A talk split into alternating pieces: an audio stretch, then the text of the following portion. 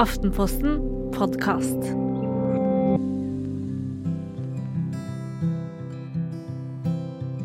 Hei, hei. I dag har vi en litt annerledes episode av podkasten vår. Fordi for noen måneder siden hadde vi med oss Fredrik Skavlan i studio.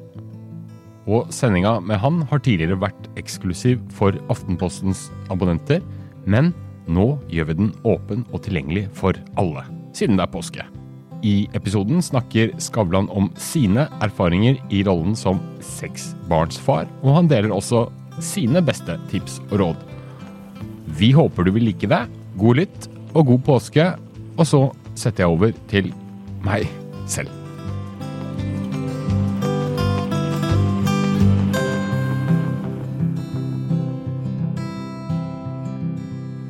Hei og velkommen til en ny episode av Foreldrekoden. I dag har vi en utvida sending med en bonusgjest, for ikke å si hovedgjest, Fredrik Skavlan. Velkommen.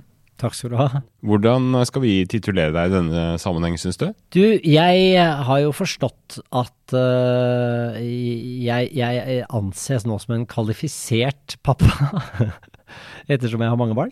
Uh, og, og, og, og, gjerne det for meg. Jeg kan godt være her som det. Eh, så har jeg utgitt en bok om det samme, om å være foreldre.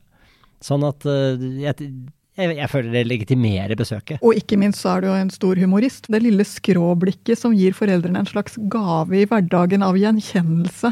Andre har vært der før meg. ja, det, det, var tanken. Jeg, det, jeg tegner jo. Og, og det er, dette er min måte å gi tilbake til alle andre foreldre som gjennom årene, og nå snakker vi ganske mange år her, har, har bidratt med sine egne små historier fra uh, vanskelige morgener og uh, de der små krigene du har før du får barna av sted på skolen, og hvordan du setter deg og googler ADHD, og du har hele det derre uh, Dette du tror du er alene om, og så er, viser det seg at de fleste har det sånn. De fleste sliter med forskjellige ting og føler seg eh, veldig ufullkomne som foreldre. Og så, eh, og så, tror man jo det bare gjelder en selv. Så derfor så må jeg, må jeg si at for, for, meg er dette takk, en takk til alle, alle, foreldre jeg har fått gleden av å snakke, snakke med om disse tingene gjennom årene. Jeg eh, er eh, en, en, temmet, uh, en, en temmet pappa, i den forstand at jeg ikke har noe å drømme tilbake til. Jeg husker ikke noen tilværelse uten små barn i livet. Det var altså 23 da jeg fikk eh, min eldste, som nå er 30. Og jeg, eh, jeg, jeg, er egentlig veldig glad for det, for jeg ser andre som er blitt foreldre når de eh, var relativt voksne, som når det røyner på, så kan de begynne å drømme tilbake til den tiden hvor eh, de da kanskje var i, i sent i 20-årene, tidlig i 30-årene, og, og, og, alt det herlige de gjorde da, eller ikke gjorde, med friheten de den gang hadde. Eh, og, så, og, så, begynner man å få eh, second thoughts, da. Eh, det slipper jeg, for jeg er da født i fangenskap, akkurat som et uh, alminnelig husdyr som ikke vet bedre. Men jeg syns jo dette er ganske eh, interessant. Jeg fikk også barn relativt tidlig. Men allikevel må jeg si, det gikk bare noen uker fra jeg hadde fått det barnet til jeg ikke kunne huske hva jeg brukte tiden til før jeg fikk barn. Det er et eller annet med at barn kommer inn og tar den plassen på en så selvfølgelig måte at det å tenke seg tilbake igjen til tiden før eller tiden uten er ganske vanskelig. Og det tror jeg også gjelder mange av dem som får barn sent. Men he heldigvis så er det jo sånn. Ja, eh, Det er noe med barnas kraft som bare kommer inn og, og gjør noe med hele deg. Ja. Og så kan du si at hva hadde jeg, brukt, hva hadde jeg tenkt når jeg sto opp om morgenen hvis jeg ikke skulle da smøre matpakke? Jeg vet ikke hva jeg skal svare på det spørsmålet. Nei, det hender jo Altså nå er vi Vi lever jo i en sånn litt, kan du si, litt skjev relasjon på den måten at, at min samboer fikk jo barn da sent, sent i livet. ikke sant? Du hadde en lang karriere og, og, og mye som og, og var veldig fri før, før hun traff meg. Men, men, uh, men samtidig, når man tenker tilbake, når hun tenker tilbake på hva brukte hun den friheten til, så er det vanskeligere å sette ord på. Eh, for det må jo jeg utfordre henne på da iblant. Og det, og det, det er vanskelig å sette ord på. Det, det, hun, hun, sier egentlig det samme. Hun er, er, er så oppfylt av dette uh, at, uh, at det, det, overskygger alt.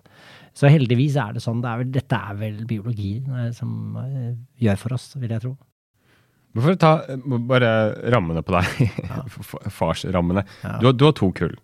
Ja, på en måte. Jeg kaller dem jo ikke kun, nei, nei, men, men de, er, de, er, vel det, ja. ja. Her må jeg bare skyte inn. Jeg har to mødre. Ja. Og, de, og, jeg var sammen med den ene først og den andre etterpå. Ja. Riktig. jeg tror ikke min eldste har blitt så fornærmet noen gang som da han ble kalt for halvbror. Nei, for han skjønte ikke hva poenget var med halv. Han var jo bror. Du har seks barn. Eldste er 30. det er ålreit at du sier det. Alle sier det. Men, men jeg, det er litt interessant faktisk at du sier det, fordi at det er noe med eh, utfordringen når du har da to kull, det er jo å få dem til å bli ett kull. Uh, og det har vært en det, det, er jo noe jeg fokuserte på veldig tidlig. var Hvordan skal jeg involvere de store uh, i det at de, nå kommer de små? Ja. Uh, og hvordan skal jeg få dem til å føle at de er søsken? Og at de er liksom én stor gjeng? Og det har jeg det, det, det, føler jeg virkelig jeg har fått til, og det er jeg så glad for. For det, det, rører jo selvfølgelig meg øh, ja, ja. enormt, ikke sant. Når, når øh, jeg ser båndene øh, mellom de store og de små, og vi har søndagsmiddager og, og veldig hyppig, og de, de, kommer hjem, og alle er sammen. Mm. Og da og, og da, da nå, nå, skal jo min eldste også ha barn, så nå blir jo jeg farfar. Men, men i, frem til nå så har jo dette vært har vært egentlig deres kontakt med småbarn. da. Så det har vært, det, men det, det, er en veldig viktig ting å prøve å skape, lage ett, ett kull da, av mm. det der. Og når er det du da liksom blir rørt? Hva er det som skjer da? Jeg blir jo, jeg blir jo rørt bare av begeistringen begge veier. Ikke sant? Hvor stas det er for de små at de store kommer. Og hvor eh, Og hvordan de store får sin egen relasjon. Jeg kan se i små øyeblikk ikke sant, at en av de store har sin egen relasjon med en av de små, f.eks. Som er lever av seg selv, da, som er helt uavhengig av, eh, av meg eller, eller min samboer. Og så, og så ser jeg bare at oi, hva man har liksom bidratt til her. Eh, av, av, fine små ting og øyeblikk. Eh, og det kan jeg bli litt bløt for, må jeg si. Eh, så, så eh, ja. Det syns jeg er fint. Når var sist gang du ble bløtt? det, det, Vi må ikke mange dagene tilbake, for det, det, det var vel på søndag, det, tror jeg.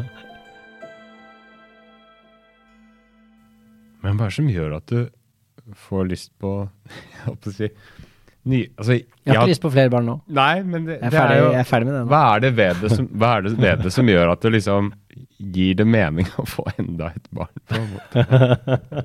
da var jo ikke dette en beslutning jeg tok helt alene. Uh, her er jo Fredrik inne på noe som er ganske interessant. Hvem er det som bestemmer antallet barn i en familie? Uh, og jeg kan si at jeg har sittet i nok parterapier uh, hvor uh, mannen sier 'og tredjemann var ikke planlagt'. Uh, mens kona sitter ved siden av med krøllmunn. Uh, jeg skjønner nok hvor uplanlagt det var fra hvem. Uh, og denne kunns sånn kunnskapen om at sex fører til barn, er jo blitt ganske svak. Ja, det er en sammenheng jeg skjønte for sent. Men Nei, jeg, det er jo ikke helt sant heller, fordi at jeg Jeg hadde to to uh, øyeblikk i livet, hvor jeg, hvor jeg, eller to holdeplasser i livet, hvor jeg uh, virkelig ville ha barn. Og den første var da jeg var 23 år, i utgangspunktet helt uinteressert i barn. Virkelig ikke opptatt av barn. Men jeg mistet faren min. Han, han døde ganske Han ble ikke så gammel, han ble 65. Og, øh, og jeg, jeg, så veldig tydelig hva familie var. Uh, det å At han ikke døde alene det, det siste halvåret han levde, hvor han visste at det kom til å ta slutt. Uh, hva det betydde, og hva den liksom, siste reisen hadde vært alene i forhold til hva den var med familie rundt seg. Det gjorde, tror jeg, veldig mye sterkere inntrykk på meg enn jeg skjønte. Uh, men det det jo, jo, da manifesterte seg som, var at jeg fikk en veldig uh, trang til å få barn. Så et år etter ble jeg min førstefødt. Uh, og det var nok noe jeg var veldig opptatt av. Var, der var jeg en, en pådriver. Uh, og så er det jo sånn at uh, man, får, uh, man, får, litt blod på tann, og dette her er liksom moro og sånne ting. Og så kan jo det kanskje ikke alltid ha vært mitt, min liksom min rolle å være pådriveren hele tiden, men, men, men, nok til at jeg syntes det var ok. Så mange år etter så treffer jeg da min nåværende, og og vi skaper et liv sammen rundt da det som blir hennes stebarn. Og jeg er veldig, veldig tidlig på at jeg syns hun skal få barn. Og jeg vet at hun er veldig opptatt av barn, og, uh, og hun er utrolig fin med mine, mine, barn. Så det er en relasjon som bygger seg opp veldig fort. Og det, uh, og det jeg jo ser, er at for vårt samliv så er det veldig bra om vi er, er, i samme situasjon. Og jeg visste jo at jeg kommer til å prioritere mine barn veldig høyt uansett. Det kommer til å være nummer én og to og tre for meg. Og hvorfor ikke da få noe fire og fem og seks òg? Eh, og så får vi være hverandres eh, liksom, henholdsvis syvendeplass og fjerdeplass i livet. Og det, eh, det, det tror jeg eh, så, så, så, der var jeg veldig på at vi skulle, vi skulle få barn også. Så den første i hvert kull, som du sier, uh, den, den, har jeg virkelig veldig gjerne villet ha. Uh, og så tror jeg jeg hadde en litt sånn angst også fordi, for at det skulle ta slutt. Ja. Uh, at da Altså ikke forholdet, men at da den, eldste, den, den yngste i den første gjengen var blitt så stor, hun var jo blitt liksom 16 eller sånn, så den begynte å nærme seg, nå skal du flytte ut. Hva skal vi gjøre da, liksom? Hva, hva, hva, skal vi da, da, så jeg jo begynne å finne hobbies, da. Men det, det, var så uattraktivt for meg at, at jeg ville mye heller fortsette med det jeg holdt på med. Jeg tror det er ganske mange kvinner som føler på en slags last baby blues. Eh, fordi når du har fått et barn, så er det en så sterk opplevelse, og småbarnsperioden er kjempeslitsom, men det er også noe så biologisk sterkt i det. Eh, sånn at når du kommer opp et sted eh, rundt der hvor fertiliteten begynner å falle i gulvet, så er det rett og slett en sorg over at det ikke kan bli flere. Så jeg må bare si, sånn sett så er det jo veldig heldig at jeg ikke er mann, for jeg, gud vet hvor jeg hadde stoppet henne da. Så var, du, du, var litt sånn engstelig for en, en, slags tomhet, tomhet, da? For det var dette du kunne, på en måte? Altså ja, dette du ja, har levd i Ja. ja. Jeg, er man ikke det, da? Alltid litt engstelig for det fremmede og, og det, det, man ikke egentlig har levd. Også, og, og, og, særlig når man trives egentlig ganske godt med det man, man har. Og jeg, jeg, jeg, innså jo det at selv om jeg har jo daglig kontakt med de store barna mine, så bor de jo ikke lenger hjemme. Uh, og jeg syns med en gang det barnet er ute av huset, så er det sånn, å, så herlig og sånn, og så går det ti minutter, og så syns jeg det er tomt.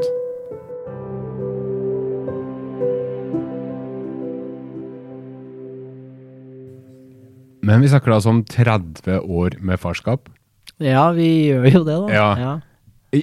Jeg gikk tørrskodd fra kull 1 til kull, kull 2. Hva føler du du valgte bort da? Eh, det det, det, det, det syns jeg er et veldig bra spørsmål. Fordi eh, jeg har definitivt valgt bort noe. Eh, ikke så bevisst, men når jeg ser tilbake, så har jeg helt klart gjort det. Jeg vil aldri kunne bebreide holdt jeg på å si, ungene mine for at jeg ikke fikk gjort karriere, for det føler jeg at jeg har. og jeg, jeg, tror ikke jeg hadde gjort noe mer hvis jeg ikke hadde barn, kanskje snarere enda mindre. Uh, men uh, så, så, der føler jeg jeg har, jeg har fått gjøre, gjøre mye morsomt på, på, når det gjelder jobb, og jeg har fått uh, hva skal jeg si utviklet mitt potensial. og vel så det, mange mener. men så har jeg, har jeg måttet gjøre noen forsakelser. en av forsakelsene er vil jeg si det å ha liksom mye omgang med venner. Eh, jeg har ikke mm, mange middagsselskaper. Jeg har ikke eh, Jeg er aldri på guttetur, eh, så å si. Jeg har liksom ikke opplevd i voksen alder omtrent. Par ganger, altså virkelig. Jeg spiller ikke golf. Jeg, jeg er ikke jeg, jeg drar ikke på cruise.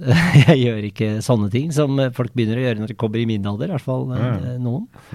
Eh, og, og jeg, jeg, gjør ikke Og jeg har, jeg har i det hele tatt veldig lite hobbies. Jeg gjør ikke sånne ting. Så, det, så liksom noe har man bare valgt bort det. Hvis du deler opp livet i tre, da, hvis du sier at det er jobb, familie og fritid, Uh, ikke sant? Uh, som er liksom forpliktelse med jobb, forpliktelse med familie, og så er det fritid. Metime, som det kalles. Ja, Det er ganske lite metime, da.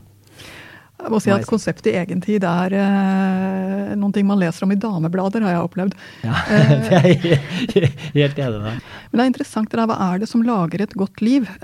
og vi har jo kommet i en tid hvor det å ha hobbyer, ha fritid Jeg gruer meg alltid til de spørsmålene. Hva, hva er hobbyen din? For det, det i likhet med deg så har jeg nok jobbet for mye og brukt for mye tid på barn. Mm.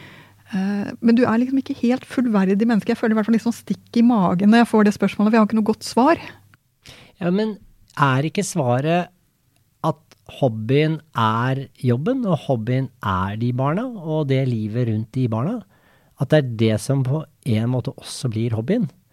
Fordi øh, jeg finner jo masse glede i det. Eksempel så lager jeg mat hjemme. Det ja. koser jeg meg veldig med.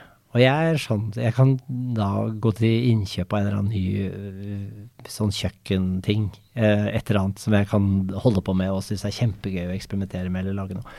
Og så er det litt hobby da i det. Også, men det er jo for familiens liksom, eh, til, til glede for hele familien. da. Men, så, men, setter barna pris på dette? Unnskyld at jeg spør så direkte. Nei, det gjør de vel Jeg tror de setter pris på at jeg står der og holder på med det. Så er det jo vekslende hvor mye de spiser og sånn, da. Men, men, eh, de setter pris på at jeg fins på det kjøkkenet. Det tror jeg de gjør.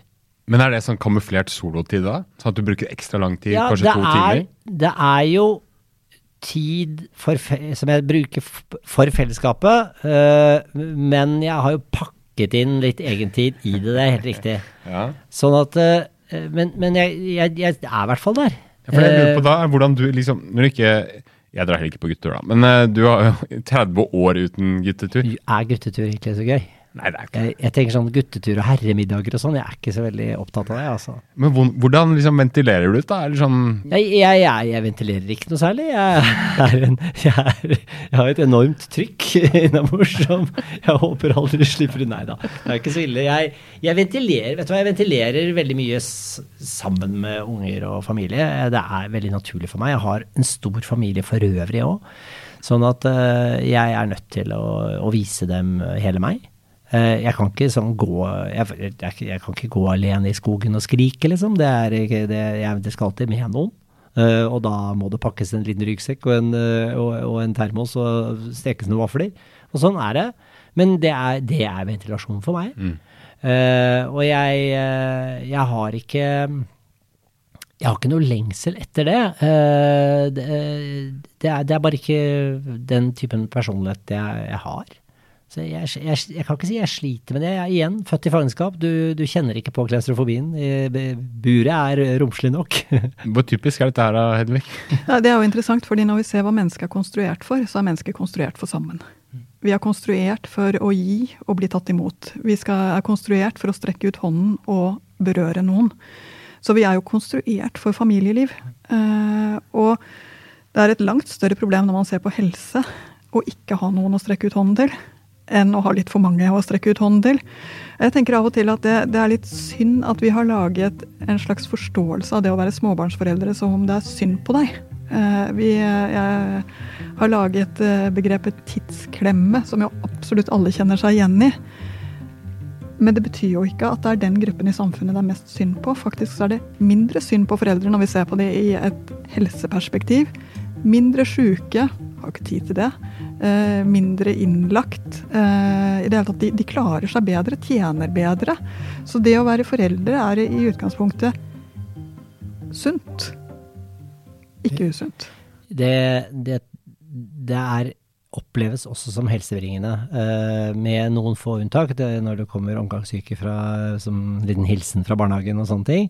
Men, men stort sett så, så er, er, den typen samvær helsebringende. Eh, og i hvert fall hvis man klarer å faktisk være til stede i det, eh, så, så syns jeg også det. og jeg øh, jeg, jeg, igjen, jeg tror mye av grunnen da, til at man, man i anførselstegn stakkarsliggjør liksom, småbarnsforeldre, det handler jo også litt om å ikke glorifisere det for mye heller. Eh, det, det, er, jo mange som ikke får barn, enda de vil ha barn. Eh, og, og, det er klart at det har vært tendenser i samfunnet til at man, man problematiserer det eh, til de grader at man liksom forsøker å fortelle dem at da er ditt liv på en måte ikke, ikke lenger noe, noe verdt i forhold til om du hadde hatt barn. Det er jo, det er jo også helt feil. Ikke sant? Hvor måten vi, vi, vi stakkarsliggjør de som ikke har barn. Så jeg er sånn forsiktig med å, å, si sånn ja, gud, livet mitt, hva var det? det er, barn er alltid livet mitt, og det er det eneste som gir det mening, og sånn. For det, det, det, gir og tar. Eh, jeg har ofte sagt at for meg er det et slags sånn nesten som et nullspill i hva det koster meg å ha barn. at det gir meg energi, og det tar energi. Eh, og, og, og jeg kan godt se folk jeg kjenner som har helt fullverdige, fantastiske liv uten å ha barn. Eh, veldig ofte har de tatt et valg eh, og, og, liksom forsonet seg med, eller til og med bestemt seg for, eh, å ikke få barn. Eh, de som har vært litt mer uklare, og hvor det bare ble sånn, de har de, de, kan ha verre liksom, runder med det der, er min opplevelse. Men det vet du mer om, Hedvig. Altså det må bare sies, Du har jo helt rett i at på mange måter så er livet totalt en nullsumspill. Sånn at hvis du ikke har den nærheten som du får litt gratis gjennom familie, så er du nødt til å skaffe den på annet vis, som også koster noen ting. Men det å forvalte livet sitt er eh, på mange måter eh, en oppgave som vi alle har. Og jeg er helt enig. Altså, om barn gjør en lykkelig? Nei, nei. Eh, men barn gir noe helt gratis, nemlig at du trenger aldri å lure på hva du skal bruke denne dagen til. Det er den gratiseffekten du får. Og du får en ting til. Du, du, får uh, en som tåler det. Eh, på en helt annen måte enn venner gjør. Hva ligger du i det? det er jo noe av det mest rørende, syns jeg, med barn. Det er hvordan de De er, på en måte er kjærligheten. De, de, de hva, hva, det i Bibelen? Den, den tåler alt og utholder alt. og og det gjør jo også barna. Eh, noen ganger for mye og for lenge, eh, viser det seg jo i visse relasjoner. Men, men det, er, det, er, noe av det mest sånn rørende med, eh, med, barna, hvordan de gir deg en sjanse til. Eh, og, og, eh, og det, det, det, er klart at det får du ikke alltid fra en kompis fra, fra jobben.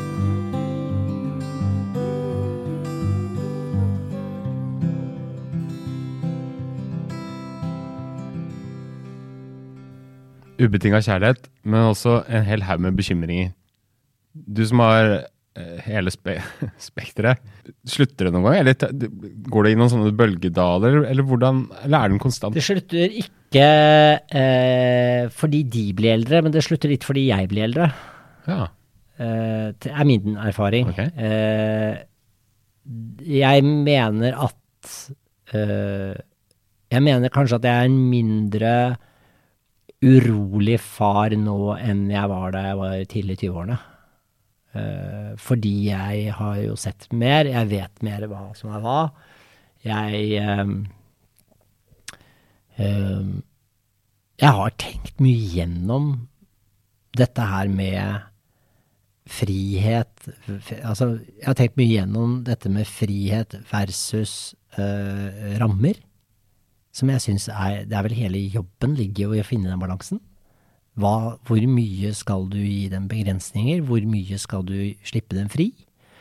Uh, og det, det, er jo sånne øvelser Det, det, det kan være ganske vanskelig, fordi uh, jeg eksempel tenker, som jeg tror kanskje mange fedre tenker, at la dem klatre i trærne. Uh, for ellers så lærer de jo aldri å klatre i trærne. Uh, og, og, vi må ta de sjansene. Men det, det, er jo et ansvar også i bare å ta den sjansen. Å være den som sier 'la dem nå gjøre det'. Det er jo Det kiler jo litt i magen å, å være den som sier det òg. Jeg må jo si at det der 'når skal jeg slippe og når skal jeg holde' er grunntema gjennom alle de 20 årene du har til uh, rådighet som forelder, og noen til også, tror jeg. Når skal jeg hindre fra poden fra å slå seg, og når skal jeg la han lære seg å slå seg?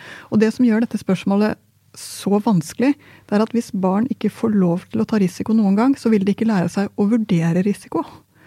Og som voksen så trenger du jo det. Du trenger å ha en eh, forståelse av om noen ting er farlig på ekte, eller om det bare er noe du skal gjøre. Så det å vurdere risiko hindrer deg både fra å gjøre farlige ting, men også fra å utvikle angst. Så det vil si at slippe, denne slippebevegelsen i å være forelder er viktig for barnas helse. For deres psykiske helse. Eh, og det er så rart, fordi at rent intuitivt når vi får barn, så har vi bare lyst til å beskytte dem mot alt vondt. Holde, holde, holde. Aldri la dem få lov til å møte noe motgang, noe som gjør vondt. Slå seg, brekke armen, alle disse tingene her. Og så må vi det allikevel. Hva vil det si å være god? Uh, vi har så mye mer ressurser til å passe på, til å være med barna våre. Altså, vi bruker jo mer tid nå på barn enn noen gang før. Og det gjør at vi kanskje av og til blir litt for mye. Ja, jeg tror vi fort blir litt for mye. Eh, jeg, jeg, er, eh, jeg, jeg, er, veldig tilhenger av å la barna i fred. Eh, så jeg er ikke noen flink lekepappa. Men jeg er ganske nærværende pappa. I den forstand at jeg fins der, men jeg er helt klart en voksen.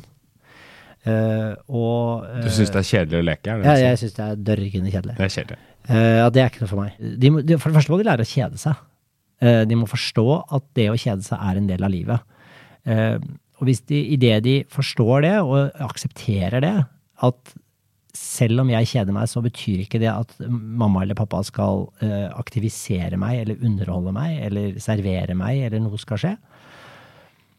Men da er jeg bare det, det, Da er jeg i en situasjon hvor jeg må ta ansvar for uh, å finne på noe selv.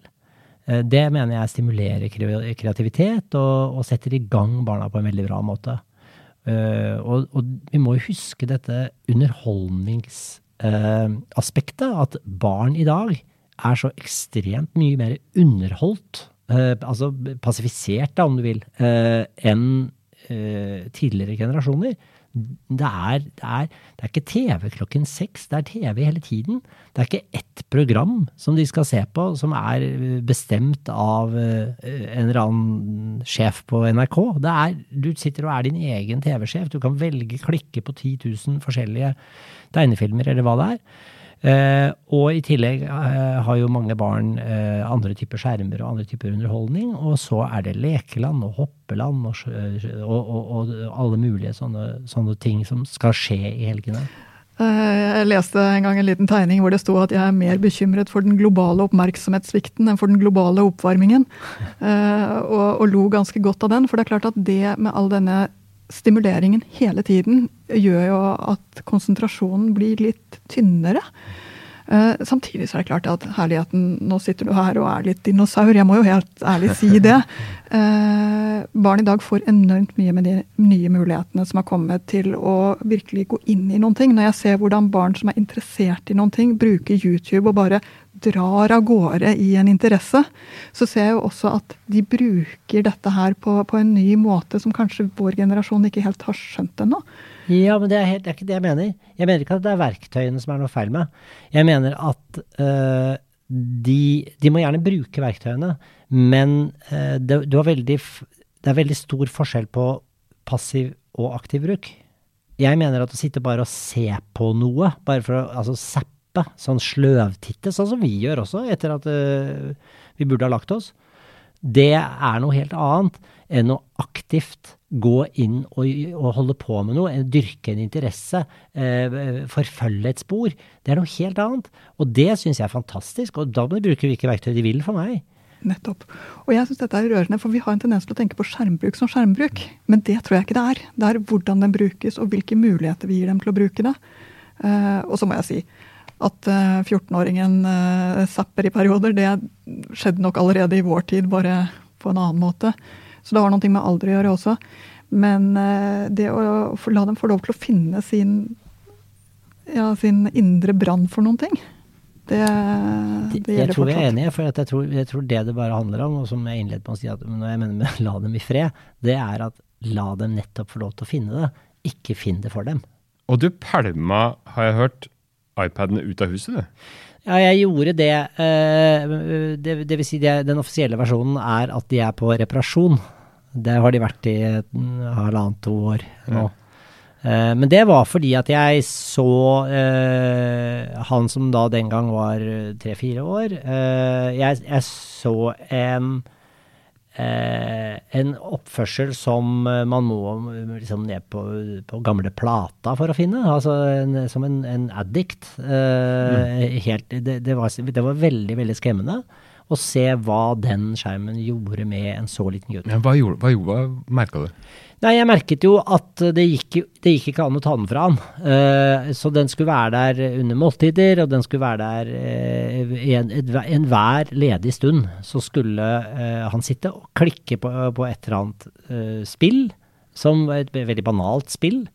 Og, og, det var helt umulig å få kontakt. Og det, det, da tenkte jeg dette er ikke noe bra. Uh, det er ikke kreativt. Det, er ikke noe, det gir ingenting. Uh, det, er, det, er, på en måte tidtrøyte for en liten gutt. Uh, så jeg, uh, eller vi, bestemte oss bare for å teste hvordan blir det uten. Uh, hadde to iPader i huset. begge forsvant på reparasjon. merkelig aksept for det hjemme. Det var i orden, det. Det var nesten litt spennende, kanskje? Det ja, det var greit, det. Og, og da De har respekt for det at ting går i stykker, og da må det på reparasjon. Det er godt, det, for, det forstår de. Og da Og siden har det ikke vært et spørsmål om iPad. Uh, sånn at det har eh, det, det, kan jeg ikke si har vært noen uh, ulempe. Men, jeg, men, vi tillater barne-TV, og, og, iblant på, er vi på en lang tur eller biltur eller sånn, så får de låne telefonen vår, eller altså Så det, vi, er, ikke helt sånn kjempestrenge på det heller, men uh, men, men, men jeg, jeg, jeg syns ikke det er noe sånn jeg, jeg, mener vi kan Vi er litt late iblant, da. Uh, og bare stikker til dem. En, uh, en, mm. Enten en skjerm eller noe sukker eller et eller annet, bare for å liksom få, få, få den til å Sitte i fred med egen skjerm? Ja, for, nettopp. Eksakt. Nå skal jeg få sitte litt med min skjerm også. Men er det en god metode, syns du, Hedvig? Eller? Ja, jeg må si, det er ikke noe tvil om at det er en voksenoppgave å lage en balanse i familien og lage en balanse i livet til barna. Uh, og er det noen ting som tar overhånden, helt uavhengig av hva det er for noe, så er det jo foreldrene som må balansere det. Foreldrene som må fikse den situasjonen. Samtidig så er det klart at veldig mye av det de leker i barnehagen og leker på skolen, er fantasiting de henter fra spillverden og, og fra barne-TV-verden. Så eh, man må jo passe på at de liksom får nok av den der sosiale påfyllet av kunnskap om Super Mario, hvis det er det som gjelder, ja, ja, absolutt. til, til at de kan være med på leken. Eh, jeg tenker av og til at ekstremisme i alle retninger her blir jo like feil. Jeg er helt enig med deg, og jeg, jeg, jeg, eh, jeg syns det er veldig viktig at, eh, de, at en, en, fireåring, en femåring, får lov til å være en ninja turtle eller hva det er, ninja go eller hva det er, i en periode av livet, og, og leve ut de der sidene der. og jeg, tror ikke på noen ekstrem holdning i det hele tatt, men jeg tror samtidig at uh, man skal være litt var på hva den gjør med stemningen hjemme. Fordi uh, det er jo også en form for isolasjon i å sitte med skjerm. Og det er klart at uh, når det er flere søsken, så kanskje man vil ha man vil leke sammen. Eller den ene vil leke, så forsvinner den andre inn i noe. Eller man skal spise sammen, og så er det en som ikke er til stede rundt det bordet. Eller det er, det er sånne ting som Det blir rett og slett bare dårlig stemning. Og det Da tenker jeg sånn Det er ikke, det er ikke verdt det. Mm. Så for meg så er det en positiv erfaring å, begrense det ganske mye. Men altså ikke, ikke, De får se på TV om morgen og kveld, og de har liksom, er, vi er liberale på det, altså. En av de eh, tegningene i boka di som er helt fantastisk, det er eh, de to parene som møtes, hvor det ene paret da åpenbart har, fått, eh, har noen yngre barn, og så sier det eldre paret ja, våre barn har flyttet hjemmefra nå, vi har god kontakt med dem på VIPS. ja, det er jo veldig, det er veldig fra mitt eget liv, selvfølgelig. Jeg sendte den til min egen på 27, og han, eh, jeg fikk da sporenstreks en eh, melding tilbake på VIPS om å vippse en krone. Hva er det du liksom føler selv du prøver å, å naile når du tegner ut disse tegningene? Hva slags følelse er det du speiler? Jeg tror jeg prøver å speile den uh, utenfra sett komiske kampen for å lykkes som foreldre. Eh, fordi det er klart vi Ingen blir perfekte foreldre noen gang. Det fins ikke perfekt det, det har aldri eksistert i, i historien. Kommer aldri til å eksistere. Alle eh, driter seg ut eh, mange ganger om dagen eh, når, de, når de skal ta på seg denne rollen her. Fordi at vi eh, vi, vi, vi har noen sånne idealer som, som bare er umulig å etterleve. Altså det, blant annet dette å være konsekvent, ikke sant. Så vi får høre at man må være konsekvent. Klarer vi ikke. Uh, og jeg tror at det er Altså, det, det eneste jeg uh, Det eneste jeg selv i hvert fall har, har lært om akkurat det, det er av, av moren min et godt råd jeg fikk da jeg var blitt far.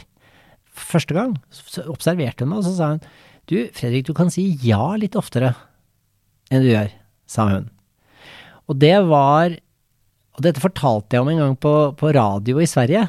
Og da fikk jeg altså så mye mailer etterpå av folk som hadde testet ut dette her, og, og var så glad for det. Fordi at jeg, Og da ser jeg at ja, nå er jeg ikke alene. Dette er mange som har, har ikke sant? De sier nei for lett. Vi sier nei med en gang, fordi vi vil bare at du skal la være å spørre. Det er, det er, vi, egentlig, vi hører ikke engang på spørsmål, vi sier nei som en refleks. Vi sier, det vi egentlig sier er nei, ikke spør meg om noe nå. Vi sier ikke nei til det de spør om. Uh, og da syns jo de rimelig nok at det nei-et er ikke godt fundert. Og så fortsetter de da å, å spørre, uh, og så blir det mas, og til slutt ender de med å si ja. Uh, Istedenfor at du kunne sagt ja uh, med en gang, og bevart den lille autoriteten han hadde igjen, da. Og det, det, føler jeg er en sånn typisk sånn mekanisme som gjør at det, vi blir komiske av det. Ikke sant? Og det, det, er, det, er, kanskje den typen ting jeg prøver å fange opp i, i form av disse tegningene, da, og si noe om hvor hjelpeløse vi er. Jeg tror humor er veldig viktig. Jeg tror det å ha humor rundt det, f.eks. når du har såkalte uh, tantrums, som det heter på engelsk, altså utbrudd, ikke sant, og, og, og, sånn, som alle med små barn opplever. Når man er midt i det, så er det å, å ha en, en, sånn liten distanse til det selv, eh, og kunne kaste et blikk til sin uh, medforelder, uh, kan være kan redde hele dagen. Uh, Istedenfor at det skal eskalere og bli ja.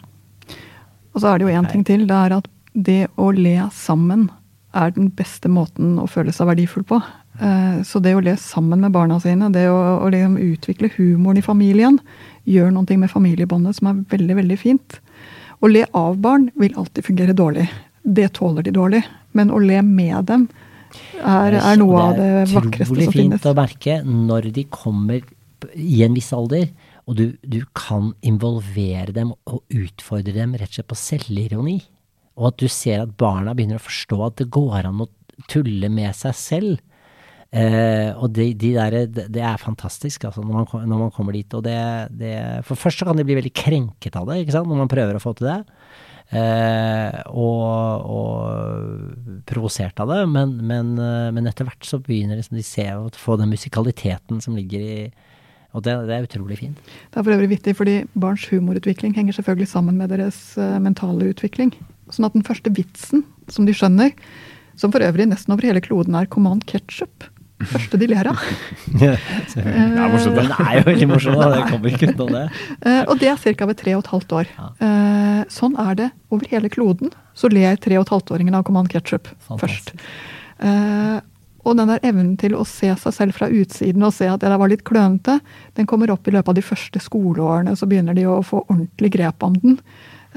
og det å se når de virkelig sånn begynner å skjønne det komiske og ler av det fra magen. De blir jo helt tatt med av den når de, når de får, liksom, går et nytt trinn i humorutviklingen. De ser jo også, barna ser jo også hva vi kjemper med. Og barna leter etter når jeg f.eks. er streng eller sint, så leter de jo etter den lille krusningen i munnviken min. Ikke sant? De, de ser jo de, de, Er det spor av den, så begynner de å nøste på det.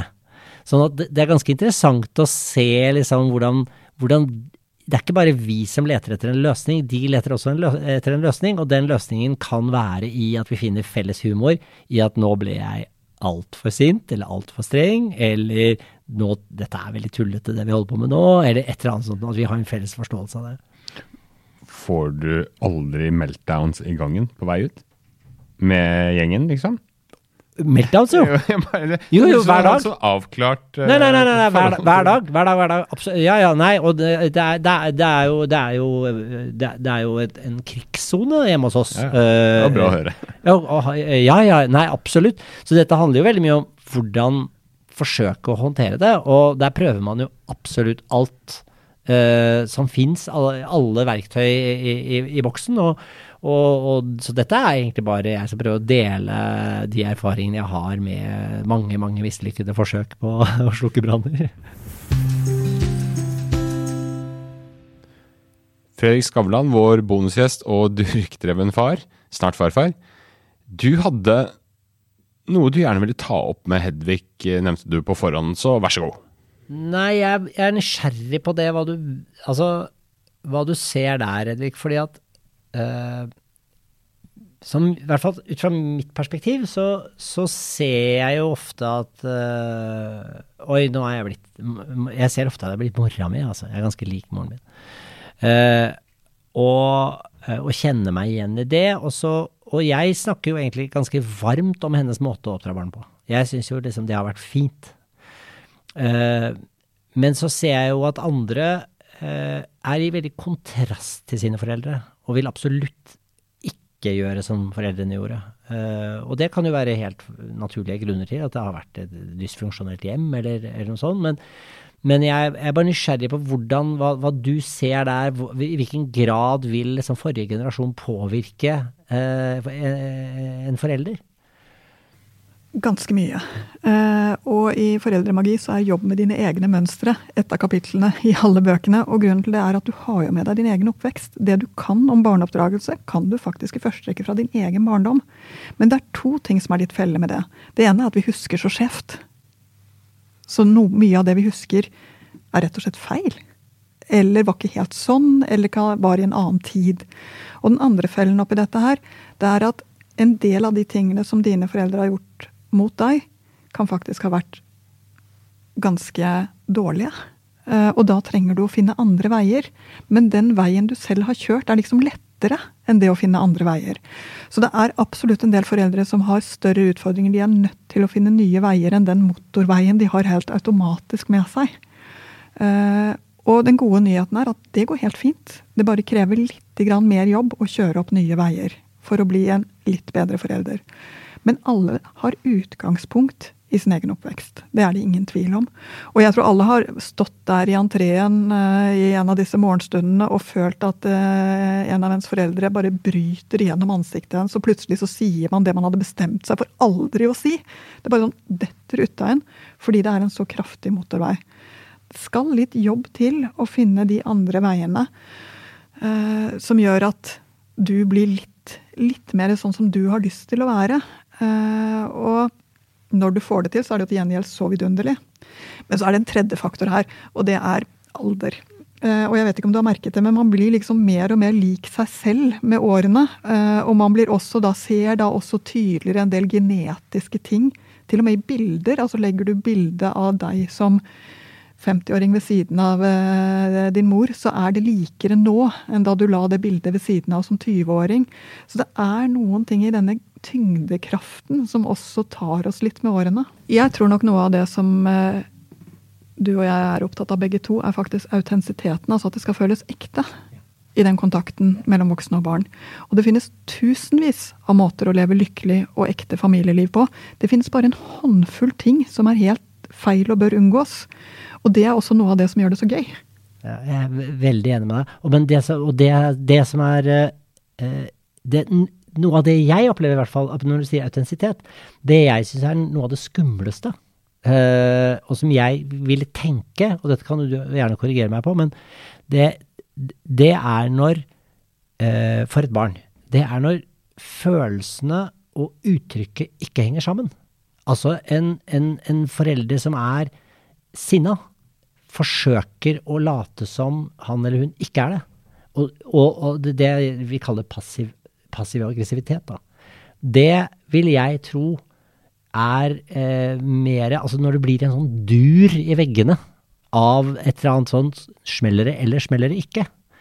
Eh, det det syns jeg, jeg er veldig Når jeg ser det, hjem som har det sånn, det, det ser man jo iblant, det syns jeg er skummelt. Eh, men derimot at man viser følelser. Og at man er eh, autentisk da, og ærlig om sånn er, føler jeg nå, fordi dette skjedde. Det, det tenker jeg er, er veldig fint, det.